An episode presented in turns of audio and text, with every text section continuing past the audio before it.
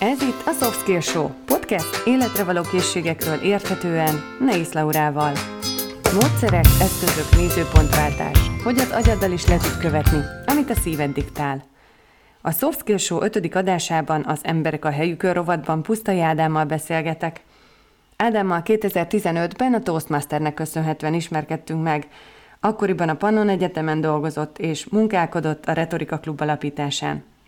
Később TEDx Benedek hegy konferenciákat szervezett, és megalapította a Collabri Coworking irodát. Kivételesen nem a játékosításban rejlő lehetőségekről faggattam, hanem arról dumáltunk, hogy mindebből a széles érdeklődésből hogyan lett a fő fókusz a kollektíva és a gamification. Beszélgettünk mindenről, ami ezt az utat kíséri, az impostor szindrómától az ötletvalidálásig. Szia Ádám, köszönöm, hogy ilyen hirtelen igent mondtál a felkérésre, de egyébként meg nem vagyok rajta meglepődve, mert tőled mindig ezt tapasztaltam. Amióta ismerjük egymást, azt látom, hogy csinálod a dolgaidat, haladsz, mindenhol ott vagy, és mégis van időd arra, hogy válaszolj, és számít csak rád, úgyhogy ezt most is köszönöm. Ebben a sorozatban olyan emberekkel beszélgetek, akik a helyükön vannak. Arra vagyok kíváncsi, hogy hogy kerültél ide, hogy jött, hogy lettél te az országos gamification guy, tehát a gamification, akkor pusztai Ádám. Mennyi idő volt, mikor indult egyáltalán el a fejedben, mikor kezdett el ez érdekelni, és hogyan lett, hogyan szűkült le az irány erre? Mert tudom, hogy te is ilyen mindennel is szeretsz foglalkozni. Szia Laura! Csak hogy nem, nem maradjon el a köszönés, illetve hello hallgató. Szerintem az egy elég megtisztelő dolog, én legalábbis ezt gondolom, vagy ezt érzem. Ez egy elég megtisztelő dolog, hogyha valaki azzal azonosít, hogy a, az országos gamification guy, mert hogy nem én foglalkozom ezzel egyedül az országban nyilván. Egy csomó minden kellett ahhoz, én úgy gondolom, hogy eljussak odáig, ahol most vagyok, teljesen mindegy, hogy ezt most szakmailag értem, vagy ismertségben, vagy kapcsolatokban, vagy közösségben, és lehet, hogy érdemes lenne ezt így több szálra szétszedni. Uh-huh. Akár, nem tudom, lehet, hogy oktatásig vissza kellene bontani uh-huh. ezt a dolgot, mert hogy ha bár te szerintem tudod, a hallgató nem biztos, én mérnök vagyok. Eredetileg vegyészmérnöknek készültem, az is lettem, duplán Igen. ráadásul. Igen, tehát hogy azért így jó nagy évet mentél te is. Hát én ilyen pályakezdő pálya elhagyó vagyok ebből a szempontból. mert egy percet nem dolgoztam az iparban, már hogy vegyészmérnökként sehol, viszont eh, én így szeretek szétszedni és összerakni dolgokat. Ez, ez így, nem tudom, uh-huh. bennem van. Középiskolába is alapvetően azért jelentkeztem, már hogy nem középiskolába, hanem abba a középiskolába, ahova végül jelentkeztem, meg felvettek, mert szeretem a kémiát ez a mai napig megvan, és ha már szeretem a kémiát, meg így szétszedni, összerakni, tervezgetni dolgokat, így nekem kézenfekvő volt, hogy a kémia plusz tervezgetés magyarul, legalábbis a magyar szótár szerint a vegyészmérnökben kiteljesedik. Hmm. Úgyhogy ezért választottam mm, ezt a szakmát. Aztán ahogy haladtunk előre az egyetemen, egy csomó mindenbe bele láttam, bele ástam magam, kipróbálhattam, szerintem brutál sok lehetősége van egy embernek, aki bekerül a felsőoktatásba, már csak azért, mert kapcsolatokat szerezhet, ismerettségeket, haverokat, projektekbe beleáshatja magát, kutatásokba, ha éppen ez érdekli. Úgyhogy szerintem én egy tök jó közegbe kerültem ebből a szempontból. És ez a, ez a tök jó közeg, meg network, meg, meg projektek, amiket így egyetem mellett tudtunk kipróbálni, illetve vállalni, kellettek ahhoz, ezt így utólag, tehát ilyen, hogy hívják ezt, utólagos bölcsességként uh-huh. uh-huh. tudom mondani, hogy ezek kellettek ahhoz, hogy én, én most azt csináljam, vagy azzal foglalkozzak, amivel. Uh-huh. És mikor lett ez neked gyanú? Na, nem, máshonnan, máshonnan fordulok rám, hogy amikor mi megismerkedtünk, ráadásul úgy, hogy igazából nem is találkoztunk, csak együtt kezdtünk dolgozni, hála a Toastmasternek, ami, hogyha a hallgató nem tudja, ez egy, ez egy, hát most már lassan száz éves nemzetközi szervezet, ami alapvetően arra jött létre, hogy a nyilvános beszédkészségeket tudjuk fejleszteni. És mi ennek kapcsán találkoztunk méghozzá Horváth Ádám, amikor elkezdte megszervezni a, az újságot, hogy legyen egy ilyen lap, Toastmaster lap, akkor abba te segítettél a tördelésben. Tehát, hogy mi e-mailben kommunikáltunk, még az arcodat se láttam soha, de már ott átjött az, hogy hm, ez a srác, ez így, hm, ja, amit, amit, amit ő bevállal és megígér, akkor az úgy meg lesz.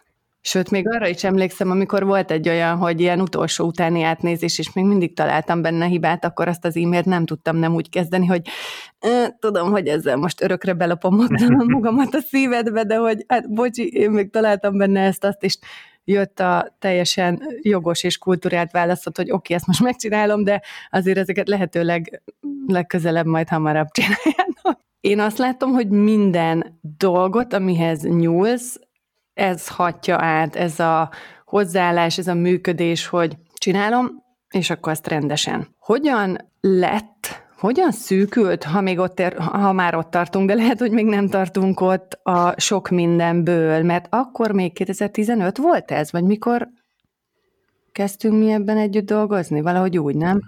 Hát, tudsz kérdezni. vagy 2016, valahogy, tehát igazából ilyen hmm. négy-öt éves dologról beszélünk, és amikor legelőször találkoztunk, akkor pedig egy vezetőképzőn tartottál már a gamificationről, ugye? Egy hmm, Szerintem igen. Aha. Mm, amire meg nem tudtam bemenni, mert a mentorom előadására mentem, aki megkért, hogy legyek ott ilyen próbababának, és ezt szerencsére azóta csak tudtam nálad tanulni élőben is. Az melyik fázisa volt annak, amit most csinálsz? Mert akkor még Toastmaster, meg azóta TEDx, meg kollektíva, nyilvános beszédképzések, és egy csomó minden más, és a Veszprémi Egyetemen is tanítottál, vagy tanítasz, vagy az melyik időszak volt? Tehát, hogy azért elég sok olyan dolgot csináltál, vagy csinálsz párhuzamosan egymás mellett, ami önmagában egy-egy dolog is olyan, hogy teljes embert kíván. Hát így a leírásodból, vagy az utóbbi néhány mondatból, hogyha nem tudnám, hogy mi mindent, milyen sorrendben csináltam, azt gondolnám, hogy az idő nem egy ilyen lineáris cucc, hanem egy ilyen izgérmozgó valami. A, lehet, hogy, lehet, hogy akkor ezt szerintem időrendi sorrendbe Jó. tesszük rettentő gyorsan.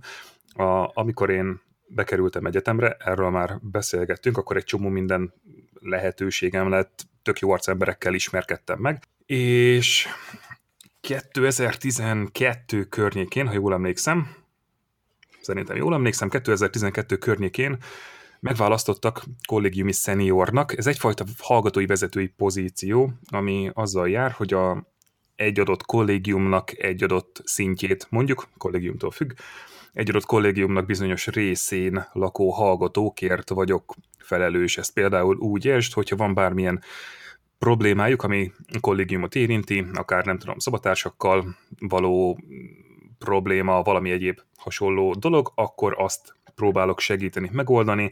Mm, ismerkedős rendezvényeket szervezünk, ilyen csapatösszerázó rendezvényeket. Tulajdonképpen azért felel egy kollégiumi szenior, hogy az ember ne csak aludni és enni járjon be az épületbe, úgyhogy ő vala, meg nyilván betartatja a kollégiumi szabályokat, úgyhogy valahol félúton van egy szenior a, a Jó Tündér keresztanya és a Terminátor között. Nagyjából így, jön, így ez érdemes ezt illik rád, igen. Ez, ez, ez, ez illik rád, ez a leírás, igen. Ja, köszönöm.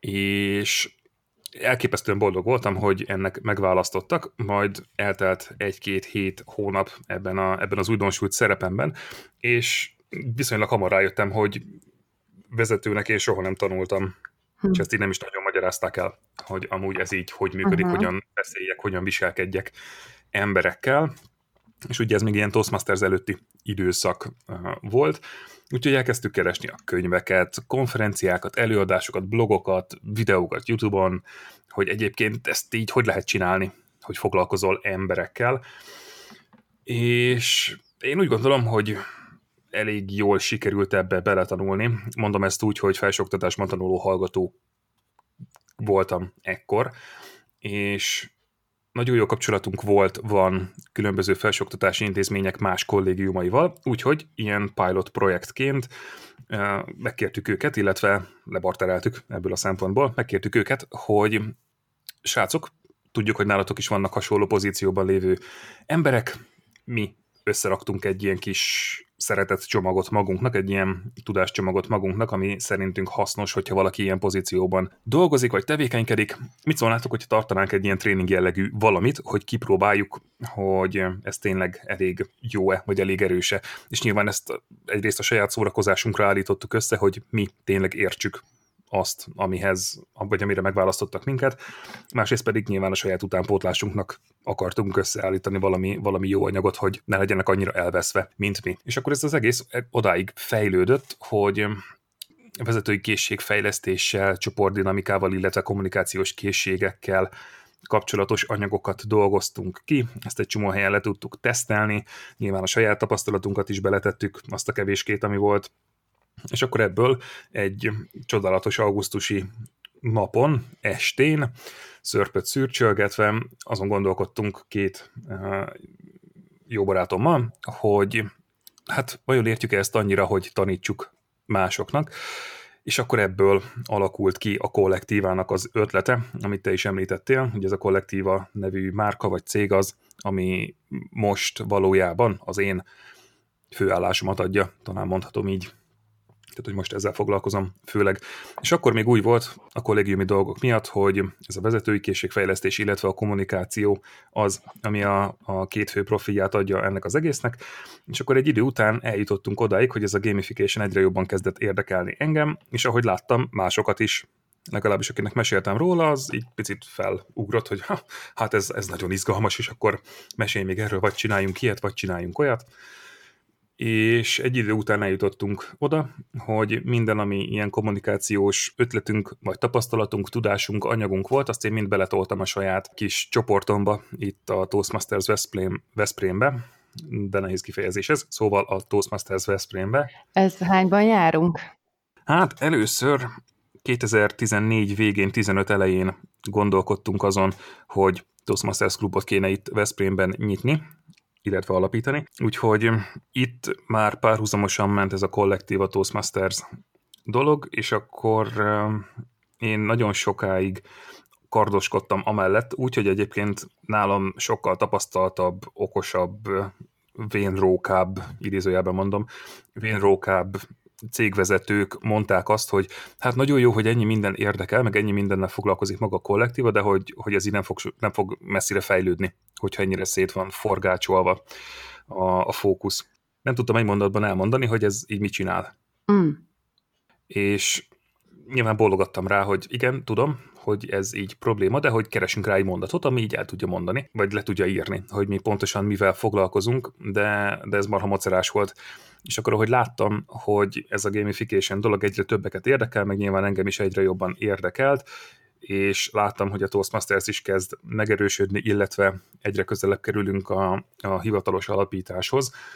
Elkezdtem azt pedzegetni, illetve úgy rendezni a saját kártyáinkat, hogy a kollektíva csak és kizárólag gamification foglalkozzon. Mm. És ekkor, ekkor ilyen 2017 környékén járunk, tehát hogy viszonylag sok idő kellett ahhoz, hogy ne csak megértsem, hanem felfogjam, hogy egyébként ezt a fókusz dolgot egy picit mm, jobban finomítani kell, talán ez a jó szó. Uh-huh.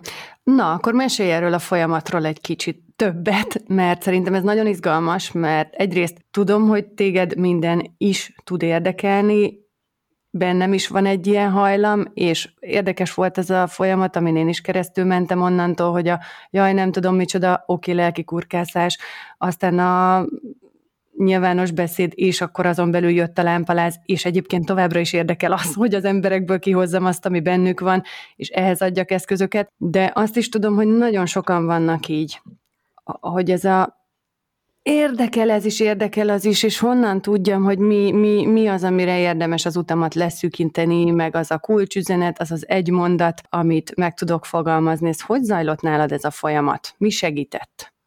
Tű. A kérdés kiváló, ez pedig egy időhúzó mondat. Kivágjam? nem kell, nem kell. Ami és ezt, ezen egyébként az utóbbi napokban, hetekben kattogtam egy kicsit, mert egyre több ilyen ismer meg önmagad, asszertív kommunikáció, egyéb ilyen tréningek, meg előadások, meg masterclassok jöttek szembe. Nyilván gondolom a Covid miatt uh-huh. egy csomóan átálltak a, a digitális műsorszórásra. Szóval egy csomó ilyen tartalom jött mostanában velem szembe, és azon gondolkodtam el, hogy mekkora mákom volt nekem azzal, hogy én kollégiumi szenior voltam annó, hiszen egy csomó ilyen képzést és tréninget láttam, kaptam, részt vehettem rajta. És lehet, hogy akkor nem feltétlen értettem, vagy realizáltam, hogy mekkora haszna van annak, hogy én tudom mondjuk a Belbin csoport szerepek alapján, hogy én egy csoportban, egy adott csoportban milyen szerepet tudok betölteni. És most, hogyha egyébként elgondolkodom azon, hogy a, a nyitunk egy közösségi irodát hamarosan itt Veszprémben, és ezt az egészet így háromad négyen terelgetjük, és hogyha ha végig gondolom azt, hogy mondjuk milyen feladatokat szedünk össze egy-egy megbeszélésem, akkor sokkal célzottabban tudom megmondani, hogy oké, okay, srácok, én ezeket szívesen elvállalom, mert tudom, hogy ezeket hamar meg tudom csinálni, ebből a szempontból nem fogom halogatni, és ebb, könnyíti a munkámat az, hogy én egyébként évekkel ezelőtt részt vettem ilyen tréningeken, és ez szerintem a tipikus esete annak, amikor valaki azt mondja, hogy jaj, hát úgyse fogom soha használni a Pitagorasz tételt. Hmm. Hát, ha egyszer elkezdesz mondjuk konyhát felújítani, akkor fogod. Tehát, hogy, hogy kiszámolni, hogy mennyi festék kell, kiszámolni, hogy mekkora a tapéta, hogy milyen szögek kellenek, tehát, hogy rábízhatod ezt egy szakemberre, de egyébként, hogyha azt gondolod, hogy hát ezt én is meg tudom csinálni, akkor fogsz olyan dolgokat használni, amire azt mondod, hogy nem, nem, nem, nem. Úgyhogy nekem ezek egy csomó, csomó pluszt adtak, amik ilyen, ilyen extra képzések vagy apróbb tréningek voltak, és ez szerintem az egyik alapja annak, hogy, hogy ez ki tudott kristályosodni.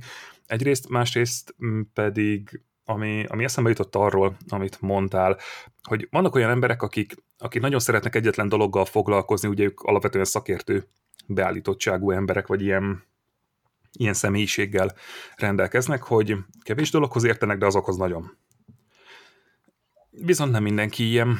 A Emily Wepnicknek van egy előadása, lehet, hogy már volt szó róla korábban, szerintem te is posztoltad eh, valamikor, teljesen biztos vagyok benne, a multipotenciális emberekről vagy személyiségtípusról szóló előadásra gondolok, ami pusztán azt jelenti, hogy vannak emberek, akik egyszerűen eh, nem tudnak csak egy dologgal foglalkozni ez egy ilyen áldásos, áldatlan állapot szerintem, viszont nem mindenki ilyen. Tehát, hogyha valaki azt mondja, hogy jaj, hát nem tudom, hogy mivel foglalkozzak, az nem feltétlenül multipotenciális, csak tanástalan.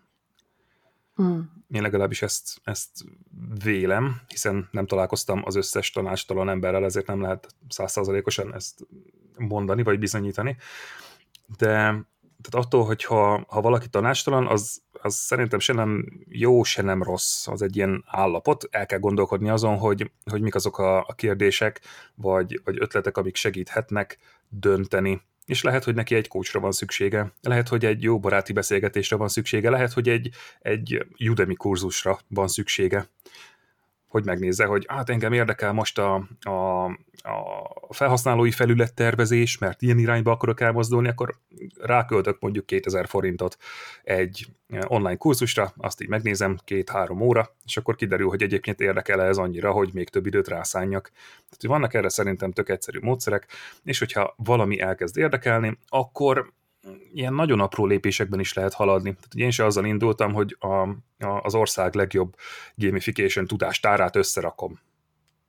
Mert, mert, mert, mert nem.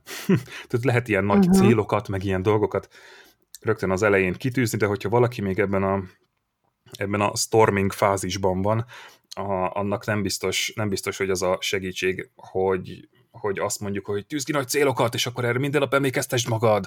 Nem, hát próbáld ki. Tehát, hogy most minek csináljak egy hmm. öt éves tervet arra, amiről nem is vagyok benne biztos száz százalékig, hogy érdekel.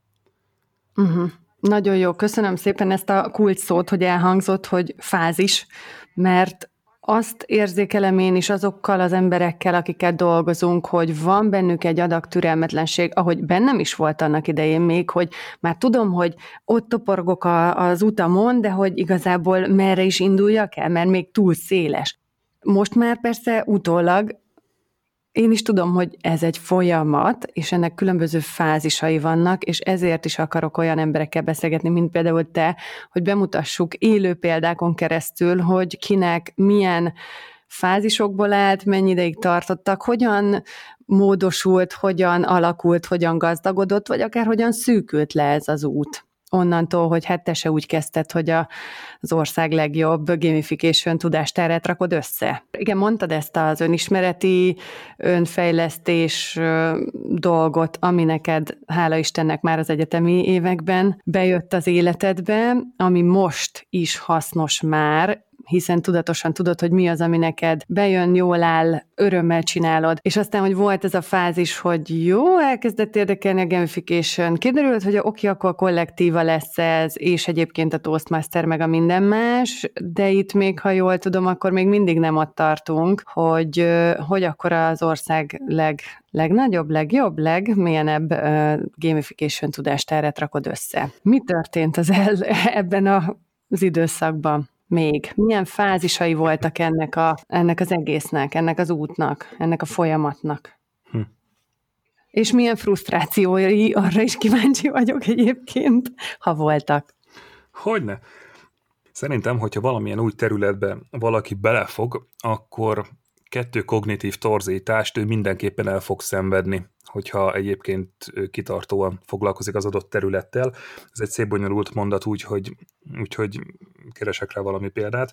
Amikor én elkezdtem gamification foglalkozni, talán mondhatom így, hogy elkezdtem vele foglalkozni. Ez azt jelenti egyébként, hogy blogcikkeket olvastam, szétnéztem, hogy YouTube-on milyen videók elérhetők, illetve online kurzusok, csoportokba beléptem, tehát nagyjából így kell ezt az indulást elképzelni akkor elolvastam néhány blogposztot, és azt gondoltam, hogy hát én így mindent értek.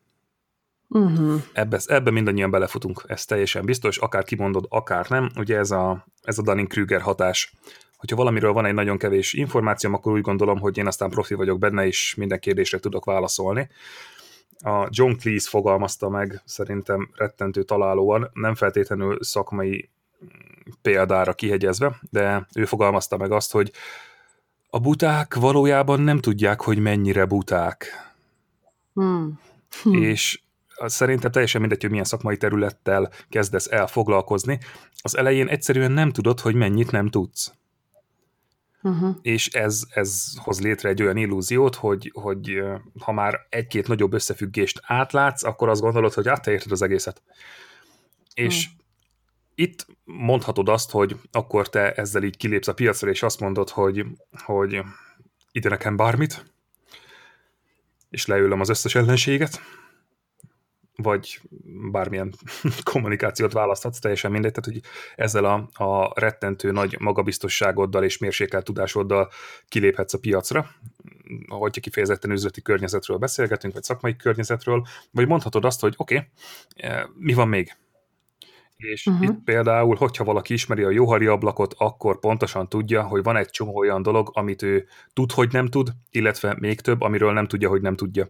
És lehet, hogy ez egy picit mm, riasztó egy idő után, és ahogy te szedsz magadra egyre több és több szakmai tudást, mm, én is, ahogy egyre több keretrendszerrel ismerkedtem meg, egyre több példát láttam, egyre több esettanulmányt, elemzést, beszélgettem külföldi szakértőkkel, egyre jobban értettem, hogy egyébként, egyébként ez egy tök összetett dolog, és még bőven a, a kezdeti fejlődés fázisában van maga a terület, hiszen 2002 környékén használták először a gamification kifejezést. Tehát, hogy azért ez nem egy ilyen marketinghez hasonló méretű terület, ahol évtizedek óta gyűlik a tudás, viszont egy csomó más területről eh, kölcsönöz ötleteket a, a gamification.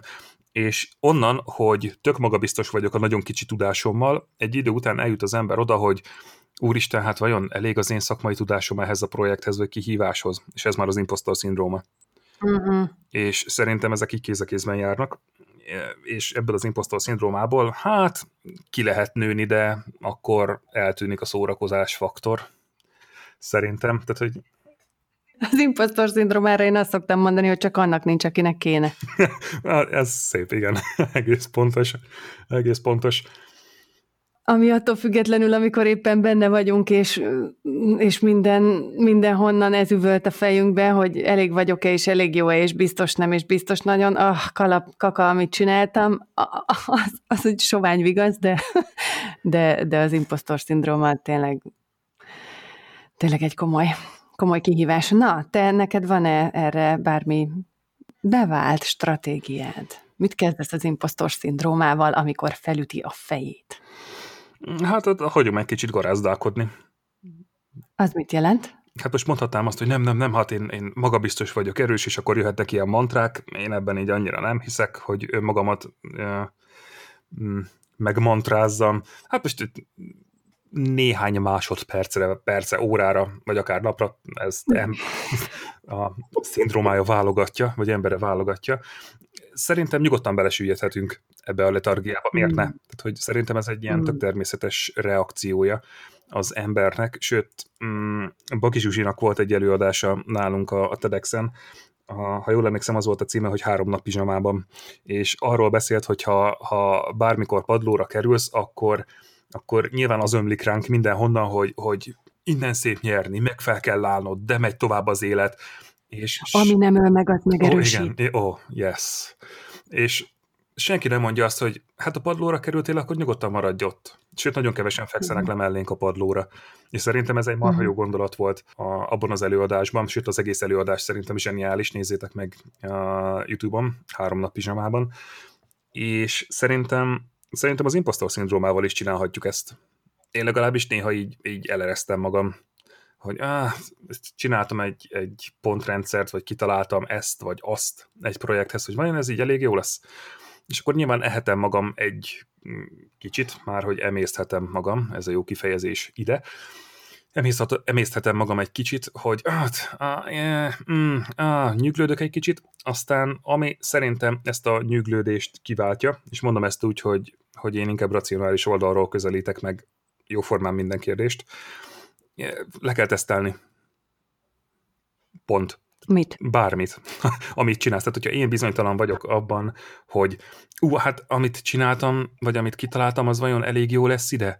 Hát ezt addig nem tudod megválaszolni, amíg ki nem próbálod. Uh-huh.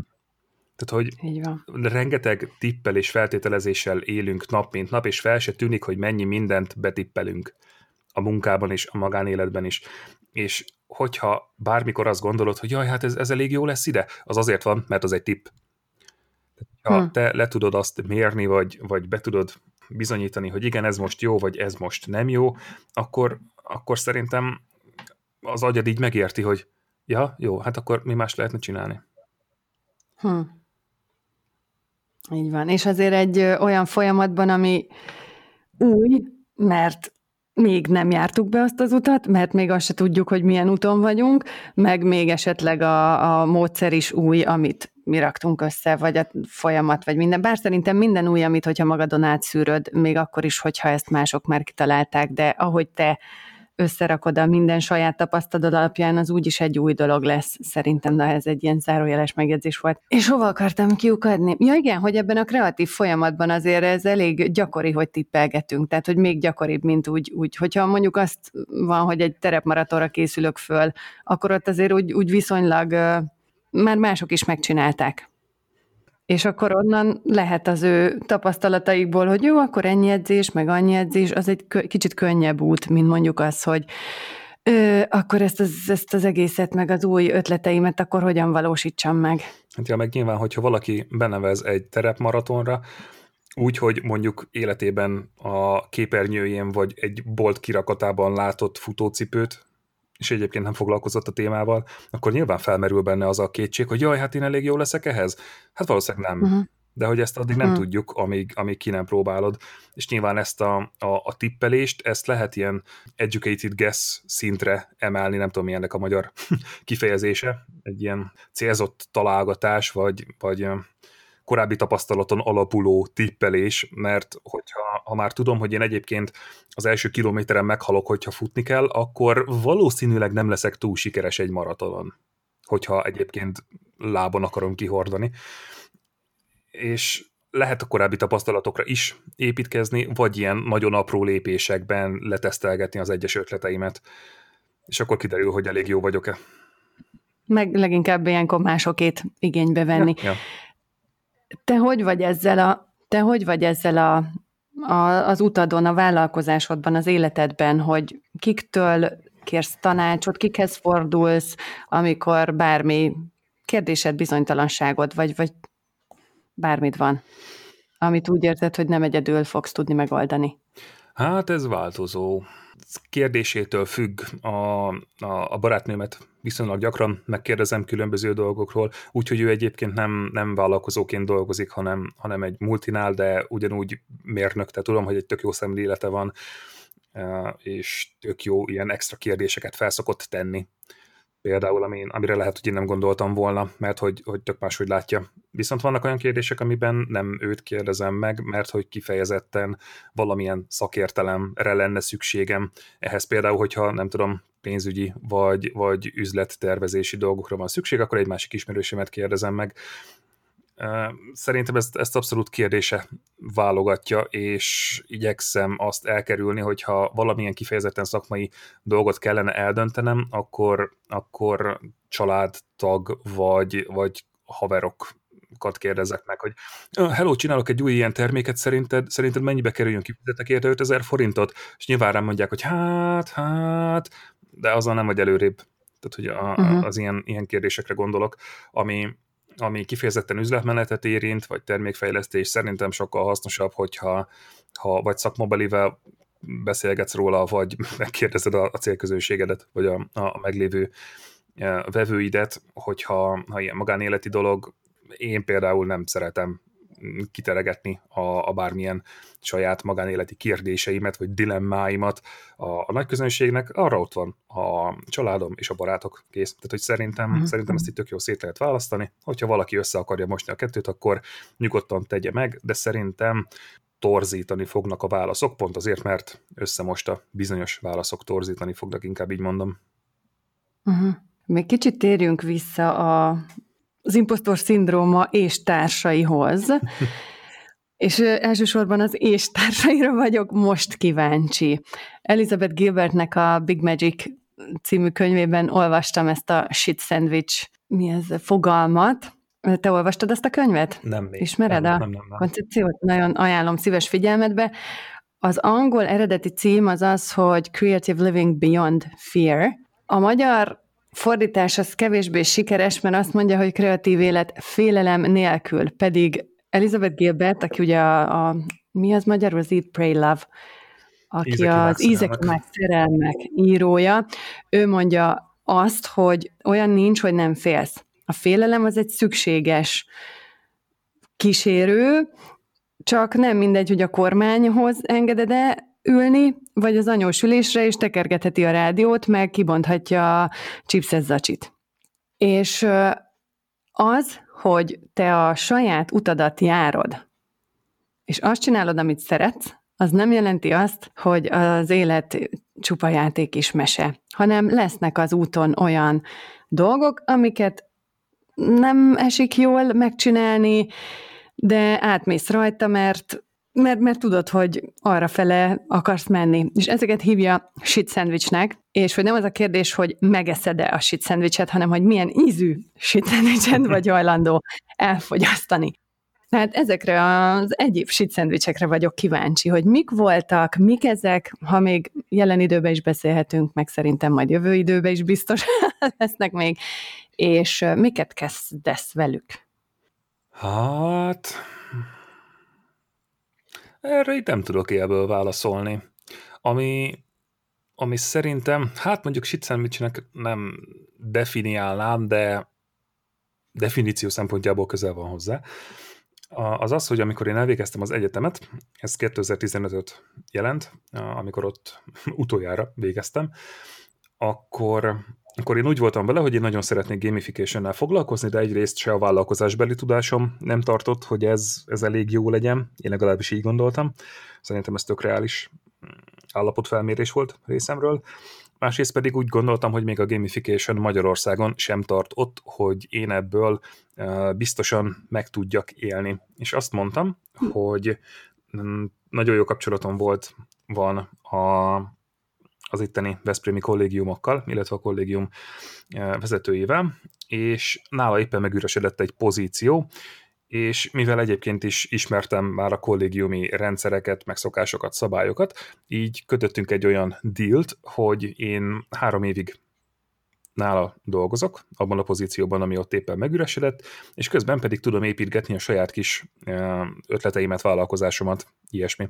Uh-huh. És napra pontosan három év után jöttem el onnan, ezt ő rögtön az elején elfogadta, végig támogatott, hogyha véletlenül ilyen konferenciára el akartam menni, vagy, vagy ilyen menet közbeni tanácsodást szerettem volna tartani, vagy egy meetupra elkéreckedni, akkor ilyen a félszabikkal meg tudtuk oldani, meg ilyen extra lecsúszott órákkal, tehát tök rugalmasan állt hozzá ehhez az uh-huh. egészhez. Nekem ez marha nagy segítség volt én egyszer olvastam erre egy ilyen úgynevezett vitorla modellt. Tehát, hogy vannak feladatok, amiket te nagyon szeretsz, mondjuk ez van az egyik tengelyen, és vannak olyan feladatok, amiket rettentően gyűlölsz, de legalábbis nem akarsz elvégezni, ez van a másik tengelyen, és uh-huh. mind a kettőből egy idő után így egyre több lesz. És ez kifeszít egy ilyen vitorlát, és egyszerűen mind a kettő szükséges ahhoz, hogy te előre tudjál haladni teljesen uh-huh. mindegy, hogy, hogy vállalkozó vagy, vagy alkalmazott valahol, mert hogy biztos, hogy lesznek olyan feladatok, amiket tök szívesen megcsinálsz, meg olyan is, amit nem. Én például nem szeretek adminisztrálni így a, a saját vállalkozásomon belül, pedig az ilyen Excel varázslatokat rettentően imádom.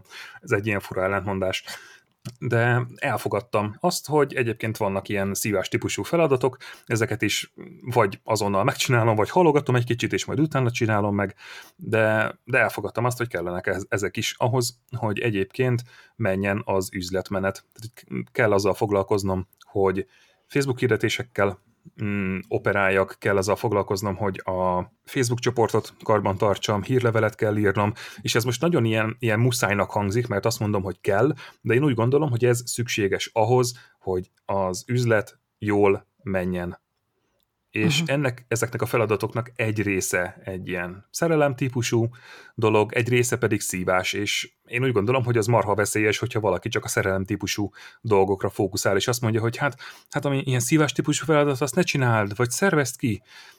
Én uh-huh. úgy gondolom, hogy, hogy egyszerűen muszáj beletanulni abba is, tehát hogy értened kell, hogy mi történik a szívás típusú feladatban, és hogyha utána ezt kiszervezed, vagy, vagy elhagyod, mert megteheted, hogy elhagyod, azzal nincsen semmi baj, de hogyha ha nem is érted, hogy mit nem szeretsz, az, az szerintem veszélyes. Hmm.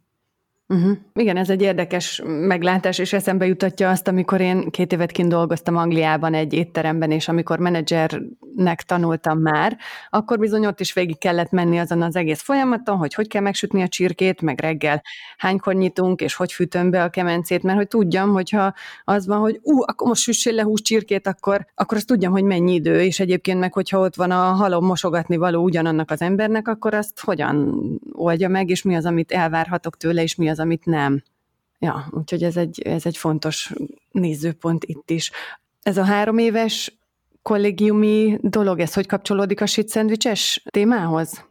Voltak, voltak benne olyan részek, ami, amiket én nem szívesen végeztem meg, tehát hogy ez a, ez a kollégiumi három év technikailag, szakmailag nem tett hozzá ahhoz, hogy én a saját kis gamification-es bizniszemmel tudjak haladni. Tehát, hogy hmm. ez ar- arra volt számomra szükséges, hogy legyen egy olyan stabil, biztos pont az életemben, anyagilag is, munkaszervezés szempontjából, hogy egyrészt beletanuljak, hogy hogyan működik egy munkahely, meg legyen uh-huh. valami kerete az életnek. Ugye én ekkor léptem ki úgy teljesen a, az egyetemről, uh-huh. illetve a, a felsőoktatásból, és ezért szerintem szerintem én marha hálás lehetek, hogy volt egy ilyen reggeltől délutánig tartó munkakeret, közben ebédszünet, de hogy, hogy volt egy ilyen tök jó kerete ennek, a, uh-huh. ennek az életemnek, mert hogy ez felborult, amikor én, én kiléptem és szabadúszó lettem, egy egyéni vállalkozó lettem, mert hogy hát a vállalkozás az nagyon menő, ugye, hogy 0-24 órát tudsz foglalkozni a vállalkozásoddal, és ez a, ez a pitfall része, ez a, ez a uh-huh. hátránya is egyébként, hogy 0-24 órát foglalkozol vállalkozásoddal, vagy nullát, vagy 24-et. Hát hogy, hát, hogy nincsenek keretek, és, és nekem ez, ez tök jó volt e, megélni, megtapasztalni, de nyilván voltak olyan e, beszélgetések, telefonhívások, e, konfliktusok, felmerülő problémák, amiket meg kellett oldani, és uh-huh. nyilván húztam a számat néhánynál, mert hogy mindannyiunk életében, munkájában vannak ilyen feladatok, de hát ez feszíti ki a, a, a vitorlát. Én legalábbis uh-huh. ezt így láttam, tudtam, hogy ez egy ilyen probléma, amit így görgethetek, meg megoldhatok, és akkor néha puffogtam miatta, néha nem, de hogy uh-huh. ez egyébként kellett ahhoz, hogy nekem meglegyen az a, az a stabil, biztos hátterem, hogy egyébként, mikor én négy után hazamegyek, akkor tudjak foglalkozni a saját bizniszemmel. Uh-huh. És amikor megtörtént ez a kilépés, akkor hogyan tudtad megteremteni azokat a kereteket, vagy miket, amikben te jól tudsz működni?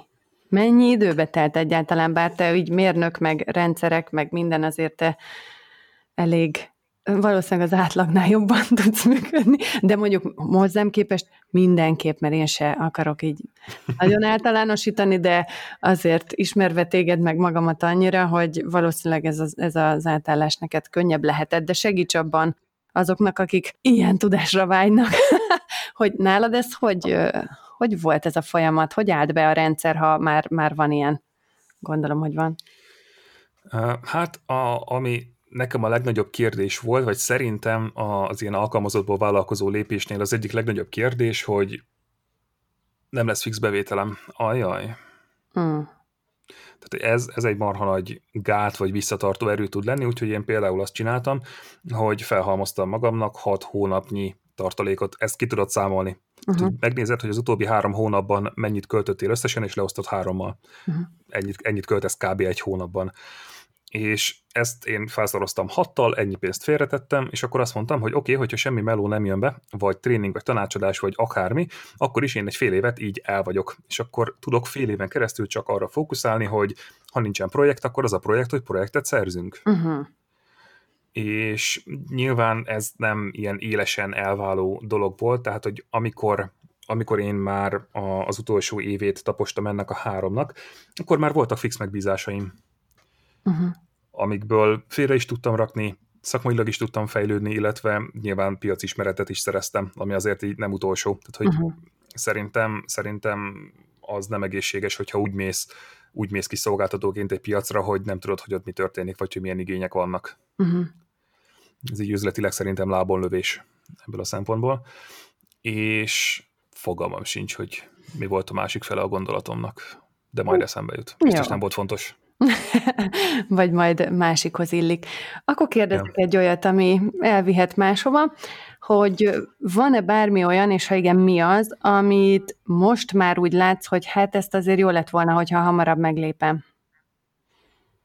És persze mindig a legjobb döntést hozzuk meg a aktuális rendelkezésünkre álló dolgok alapján, de azért hogyha így a X idővel ezelőtti önmagadnak tanácsolhatnád, akkor azt mondanád, hogy figyú, figyú, azt, azt amit most itt tolsz, azt, azt léd már meg. Hát ez is, egy, ez is ilyen utólagos bölcsesség. Uh-huh. Egyébként a Deneri Élinek van erre, erre egy jó kifejezés, ez a hindsight. Uh-huh. És szerintem van erre egyébként egy tök jó blogjuk is, érdemes majd ránézni. Ami nekem, nekem ilyen uh, ha visszautaznál az időben x évet, és mit mondanál magadnak típusú dolog, az az, az hogy figyú, tudom, hogy egy csomó mindennel szeretsz foglalkozni, és tudom, hogy érted, hogy mások azt mondják, hogy egyszerre egy dologra kellene fókuszálni. Próbáld ki azt, hogy ezt most csak így egy-két hónapig. Hmm. Egy dologra fókuszálod, mert nyilván, tehát, hogyha neked van valamilyen meggyőződésed, neked is, nekem is, a hallgatónak is teljesen mindegy, akkor ha valami ennek ellentmond, a te viselkedésednek, hogyha valamilyen külső információ ellentmond, az súrlódást okoz, és melyiket könnyebb megváltoztatni, a viselkedésedet, vagy egy külső információt? Hmm. Hát a külső információt, ez a kognitív diszonancia hmm. jelensége. És azt mondom, hogy ja, hát úgyse lehet igazad, hát nálam ez nem működik, az én piacom nem ilyen, én ezt már próbáltam, nekem nem működött, és ezek mind-mind olyan igazoló mondatok, amik ezt a külső információt vagy elértéktelenítik, vagy elhitelteleníteni akarják és ez egy ilyen természetes védekezési mechanizmus, mert hogy ha én eddig valamit úgy csináltam, ahogy két-három fókusza volt egyetlen uh, márkának, csak hogy a, a példánál maradjunk, akkor én nyilván azt gondolom, hogy ez, ez, ez, a, ez az a lépés, vagy ez az az irány, ami szerintem jó, és hogyha jön valami információ, ami azt mondja, hogy hát máshogy jobb lenne, akkor az valójában azt jelenti, hogy én korábban rosszul döntöttem, uh-huh. és ez sérti az én büszkeségemet. Uh-huh ezért, ezért veszélyes ez a, a, ez a kognitív diszonancia. És ami a tapasztalataim szerint mm, egy picit ki tudja ezt egyensúlyozni, hogyha nem, nem ilyen frontális támadásba mész át, hogy pedig tudom, hogy ez lesz így a jobb, hanem azt mondod, hogy figyelj, csináljuk úgy, ahogy eddig csináltad, egy apró változtatással. Mm kettős pont. És akkor nem az van, hogy, hogy te eddig szarul csináltad a dolgokat, meg rosszul gondolkodtál, hanem értem, eddig is egész jól kattogtál, most egy nagyon apró változtatással még jobban fogsz. Hmm. Mert hogy ebben minőségi különbség van, úgyhogy én valami ilyesmi gondolatot mondanék magamnak, hogy oké, okay, majd úgyis később meg fogod érteni, már hogy nem csak megérteni, hanem, hanem így megélni ezt az egész fókuszálós dolgot. Most csak annyit próbálj ki, hogy egy-két hónapig csak a gamificationre fókuszálsz. Szerintem, szerintem ez marha sokat lendített volna a, az, egész, az egész kollektívás úton. És ez nem azt jelenti, tehát, hogy a, a, a három éves kollégiumi munkámat szerintem én nem cserélném el. Uh-huh. Tehát, hogy ott még akkor is, hogyha ha néha pufogtam, meg, meg voltak olyan feladatok, amiket nem szívesen végeztem, amellett, hogy egyébként jó arcemberekkel dolgoztam, tök jó programokat kitaláltak, meg egy csomó jó ötletet kitalálhattam és megvalósíthattam, a, akkor is nyilván voltak, voltak ilyen vitorla típusú feladatok. Én azt nem cserélném el. Tehát, hogy azt például nem mondanám magamnak, hogy hú, figyelj, lesz egy uh-huh. ilyen lehetőséget, hogy három év a kollégium irodán, és akkor utána mellette, mellette és utána meg, meg foglalkozz a bizniszeddel, hogy ezt ne csináld. Én ezt nem mondanám magamnak. Tehát szerintem ez egy ilyen, ez egy ilyen szükséges dolog volt uh-huh. ahhoz, hogy, hogy most ott tartsak, ahol. Uh-huh. Mi az, amit még nem kérdeztem, de kikívánkozik belőled most ebben a beszélgetésben? Hogy most a hallgatónak ezt mindenképpen hamuba sült pogiként vigye magával, vagy bármi egyéb?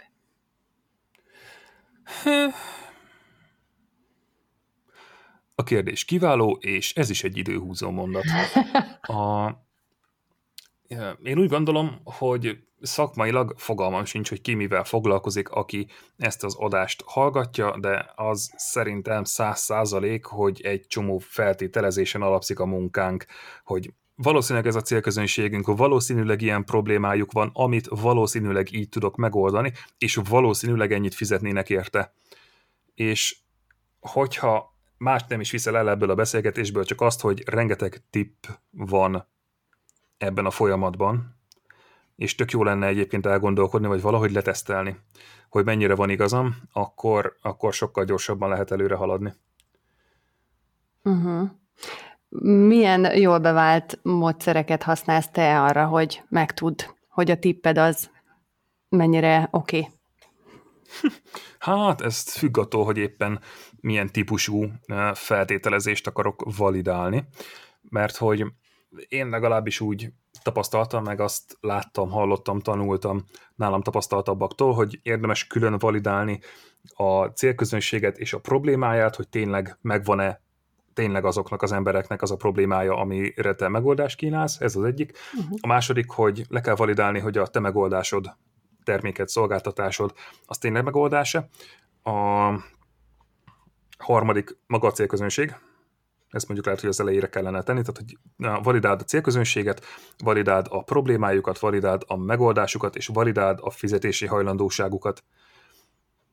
Tehát, hogy hajlandóak-e fizetni a te megoldásodért, és ezt szakmai dologra mondom, nyilván ha anyá, anyámtól nem fogok 2500 forintot kérni, hogy megmondjam, hogy melyik, vagy milyen sorrendben mossa ki a, ruhákat otthon, de de hogyha ha van bármi olyan kérdésed, amire nem tudod, hogy jaj, hát ez vajon, ez vajon így jó lesz? Hát mit tudom én? Uh-huh. De hogy én sem vagyok bölcsebb, mint te, és ez valószínűleg fordítva is igaz, hogyha egy adott ilyen feltételezésről beszélgetünk. Úgyhogy nekem például néhány hete indult el az előfizetéses rendszerem, és brutálisan sok feltételezést kellett összeírnom, ahhoz, hogy egyáltalán neki láthassak tervezni. És azért azért necces, hogyha ezeket a feltételezéseket minél hamarabb nem teszteled le, vagy nem próbálsz a végére járni, hogy mennyire igaz vagy valós, mert hogyha ha valamit rosszul feltételezek, és arra felépítek egy rendszert, akkor az nem fog, nem fog bevételt hozni, nem fogják megvenni az emberek, nem fogják szeretni az uh-huh. emberek, uh-huh. és hát ez kidobott pénz. Uh-huh azt pedig nyilván senki nem szereti. Mik voltak ennek a főbb momentumai, mondjuk, ha, ha már ennél a konkrét dolognál tartunk, amit láttam, és gratulálok is hozzá, hogy elindult, mik voltak azok a főbb momentumok, amiket te feltételeztél, és kiderült, hogy azt nem jól feltételezted, és mik voltak azok, amiket feltételeztél, és így úgy volt, hogy aha, jaj, jaj, jaj ezt jól gondoltam. Uh-huh. A, ugye nekem van egy most már több mint 2000 főt számláló Facebook csoportom is, ami, ami a témában megy, ugye ehhez bárki csatlakozhat, egész jó aktivitásokat szoktunk ott gerjeszteni, tök jó beszélgetések mennek, példákat hoznak a srácok, ilyesmi, és időről időre azért így bedobom a kérdést, hogy egyébként ki mivel foglalkozik, milyen témákat hozzunk még, és ebből tök jól körvonalazódott, hogy nagyon sok tanár van a csoportban, nagyon sokan valamilyen oktatási környezetben szeretnék használni a gamification-t, vannak, akik valamilyen üzleti környezetben szeretnék felhasználni ezt, vagy illetve a hozzá anyagokat, vagy, vagy módszereket, és vannak olyanok, akik mondjuk valamilyen, valamilyen applikációban, vagy, vagy összetettebb honlapon akarnak ilyen gamification ötleteket használni, úgyhogy én ebből indultam ki, hogy ez a három eh, legfőbb célközönségünk van, illetve nagyon sokan keresnek még HR megoldásokat, hm. de én például nem foglalkozok HR-es projektekkel, mert hogy ott jellemzően valami, valami dobozos megoldásra van szükség. Uh-huh. Tehát, hogy például egy szoftverre, és uh-huh, uh-huh. Én, én nem programozok, nem írok szoftvereket, én a tervezésben tudok segíteni, illetve, hogyha úgy van, akkor a, a, a megvalósítás egy részében, de, de nem programozok. Viszont vannak nálam sokkal képzettebb és alkalmasabb emberek és cégek Magyarországon is, akik ilyen HR-ben működő megoldásokat tudnak adni, ilyenkor át szoktam irányítani az embereket hozzájuk. És akkor így nekem volt egy feltételezésem arról, hogy hát itt van ez a három különböző célközönség, őket kellene megcélozni. És a, ahogy láttam a, a beszélgetéseket, meg néztem más Facebook csoportokat, hogy milyen problémákat hoznak fel, a, mire kérdeznek rá, nem tudom, marketing és üzleti Facebook csoportokban, oktatásos csoportokban, ilyesmi, és ebből már sejtettem, hogy kinek és milyen problémája van, és elkezdtem azon ötletelni, hogy, hogy én milyen terméket vagy szolgáltatást tudnék erre kitalálni, uh-huh. és ez az előfizetéses rendszer, ez nem egy új ötlet. Egyébként tologatom már egy ideje, és úgy volt, hogy, hogy 2020 végén állunk majd ennek neki, mert hogy addigra majd megérik a, a piac. Én úgy gondoltam, ez is feltételezés volt, és nagyon sokáig e, nem jöttem rá, hogy ez is feltételezés, ez egy ilyen tök fura dolog. E, egy tök nagy feltételezésem volt, hogy szerintem Magyarország még nem tart ott, és ezt nem lenézésből mondom, hanem Magyarország még nem tartott, hogy e, érdekeljen annyi embert mélyebben ez a téma, hogy egy előfizetéses rendszerhez csatlakozzanak. Hm. És hát tévedtek már nagyobbat a történelemben. és ez is egyébként egy formája ennek az impostor szindrómának. Tehát, hogy hmm. e, szerintem a, amióta 2017-ben, azt hiszem 2017-ben nyitottuk meg a Facebook csoportot, tehát azért van már egy ilyen, egy ilyen sőt, akkor is nyáron, lassan három éves lesz az a, az a csoport, és mondom, van benne 2000, több mint 2000 tag, és nem tudom, hogy miért gondoltam azt, hogy, hogy nem érdekelné. Tehát, hogyha ha engem érdekel, akkor másokat miért ne? Ez is egy ilyen feltételezés ebből a szempontból, de hogy se ezt, se azt nem gondoltam jobban végig, vagy teszteltem le, hogy vajon miért gondolom ezt. És amikor már megvolt, hogy vajon kik a célközönségem, vajon milyen problémáik vannak, és vajon hogyan oldom meg, akkor pusztán annyit csináltam, hogy kitettem egy ilyen posztot, ugye ez már a koronavírus közepéről beszélgetünk, vagy az elejéről beszélgetünk, ez egy ilyen március vége, április eleje. Összeraktam erre egy landing oldalt, mert hogy készít, nagyjából három és fél, négy órát foglalkoztam azzal, hogy egy ilyen egyoldalas landinget összeraktam, hogy figyú, lesz egy ilyen előfizetéses rendszer, ezt és ezt és ezt fogod tudni megtanulni, ilyen tartalmakat fogsz elérni, előregisztrációval ennyibe kerül. Egy sor tartalmat nem írtam még meg hozzá, és elkezdtek jönni az emberek, és kifizették.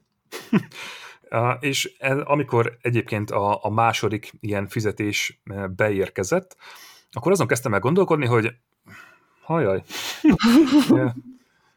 úgy tűnik, hogy, hogy ez így elkezdte érdekelni a, az embereket, és tök jó lenne akkor neki látni, mm, egy picit stabilabb alapokra helyezni ezt az egészet. Tehát ez, ez nem egy ilyen, egy ilyen egyszer használatos termék, mint mondjuk egy cipő, és akkor hát, hogyha az egy kicsit félre megy a kommunikáció, akkor majd javítunk rajta, mert hogy itt folyamatos jelenlétet igényel részemről legalábbis egy ilyen, egy ilyen rendszernek a fenntartása, illetve a közösség fenntartása. Úgyhogy a, a három nagy célközönségemből megkértem négy-négy-négy embert. Van, akit egyébként személyesen nem is ismerek, csak a Facebook csoportban tudom, hogy aktív és tök jó ötletei meg kérdései vannak.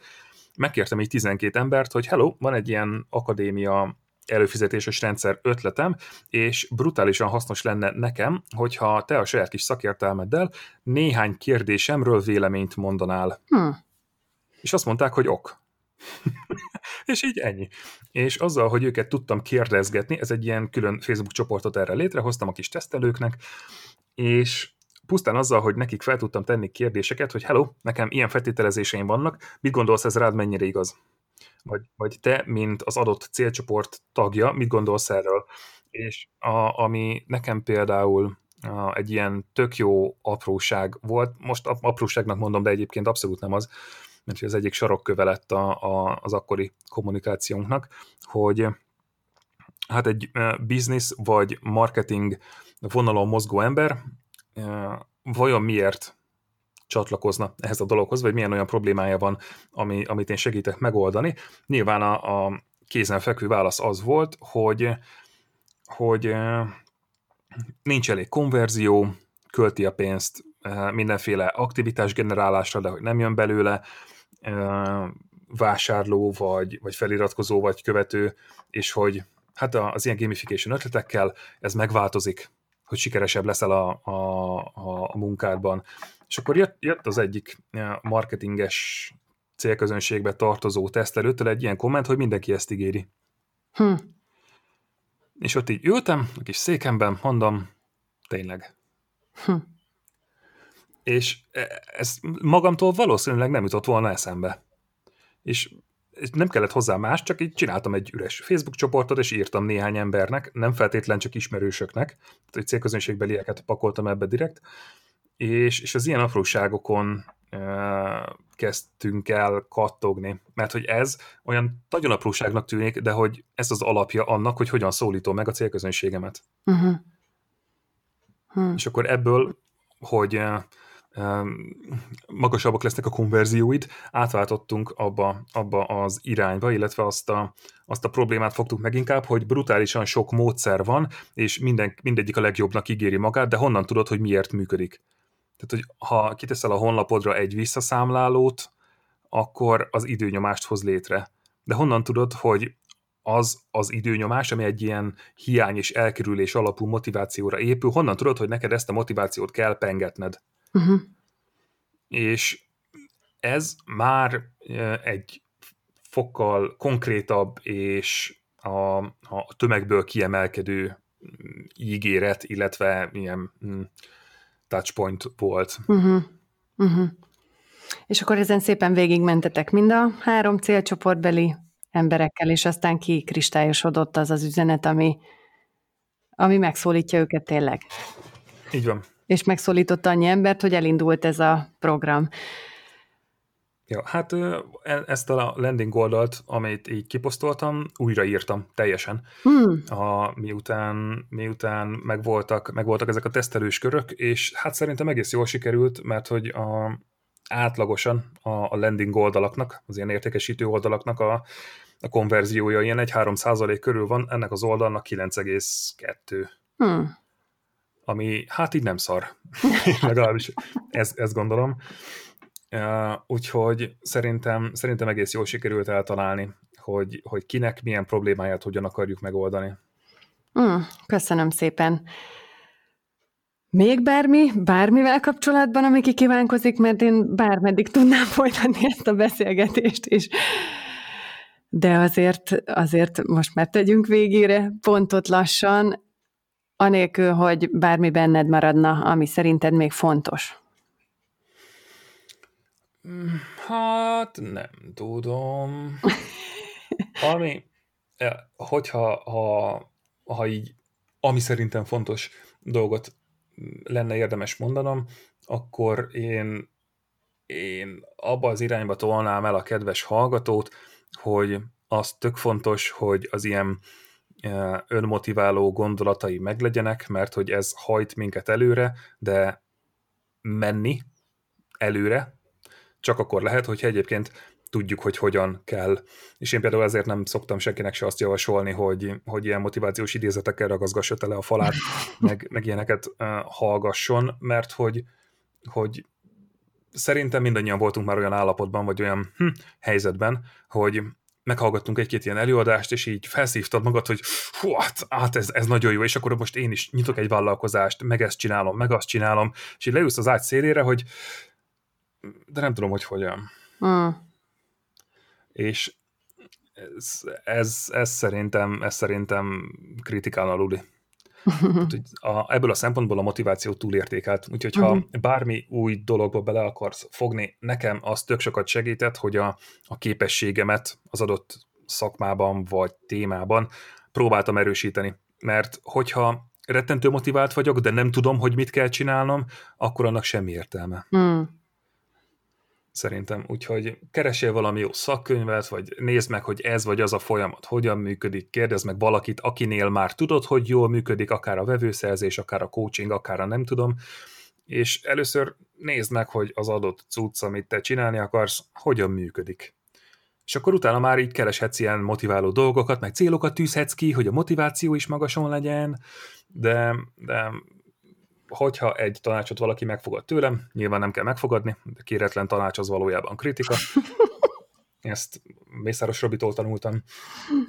Úgyhogy, úgyhogy legyél egy kicsit ügyesebb.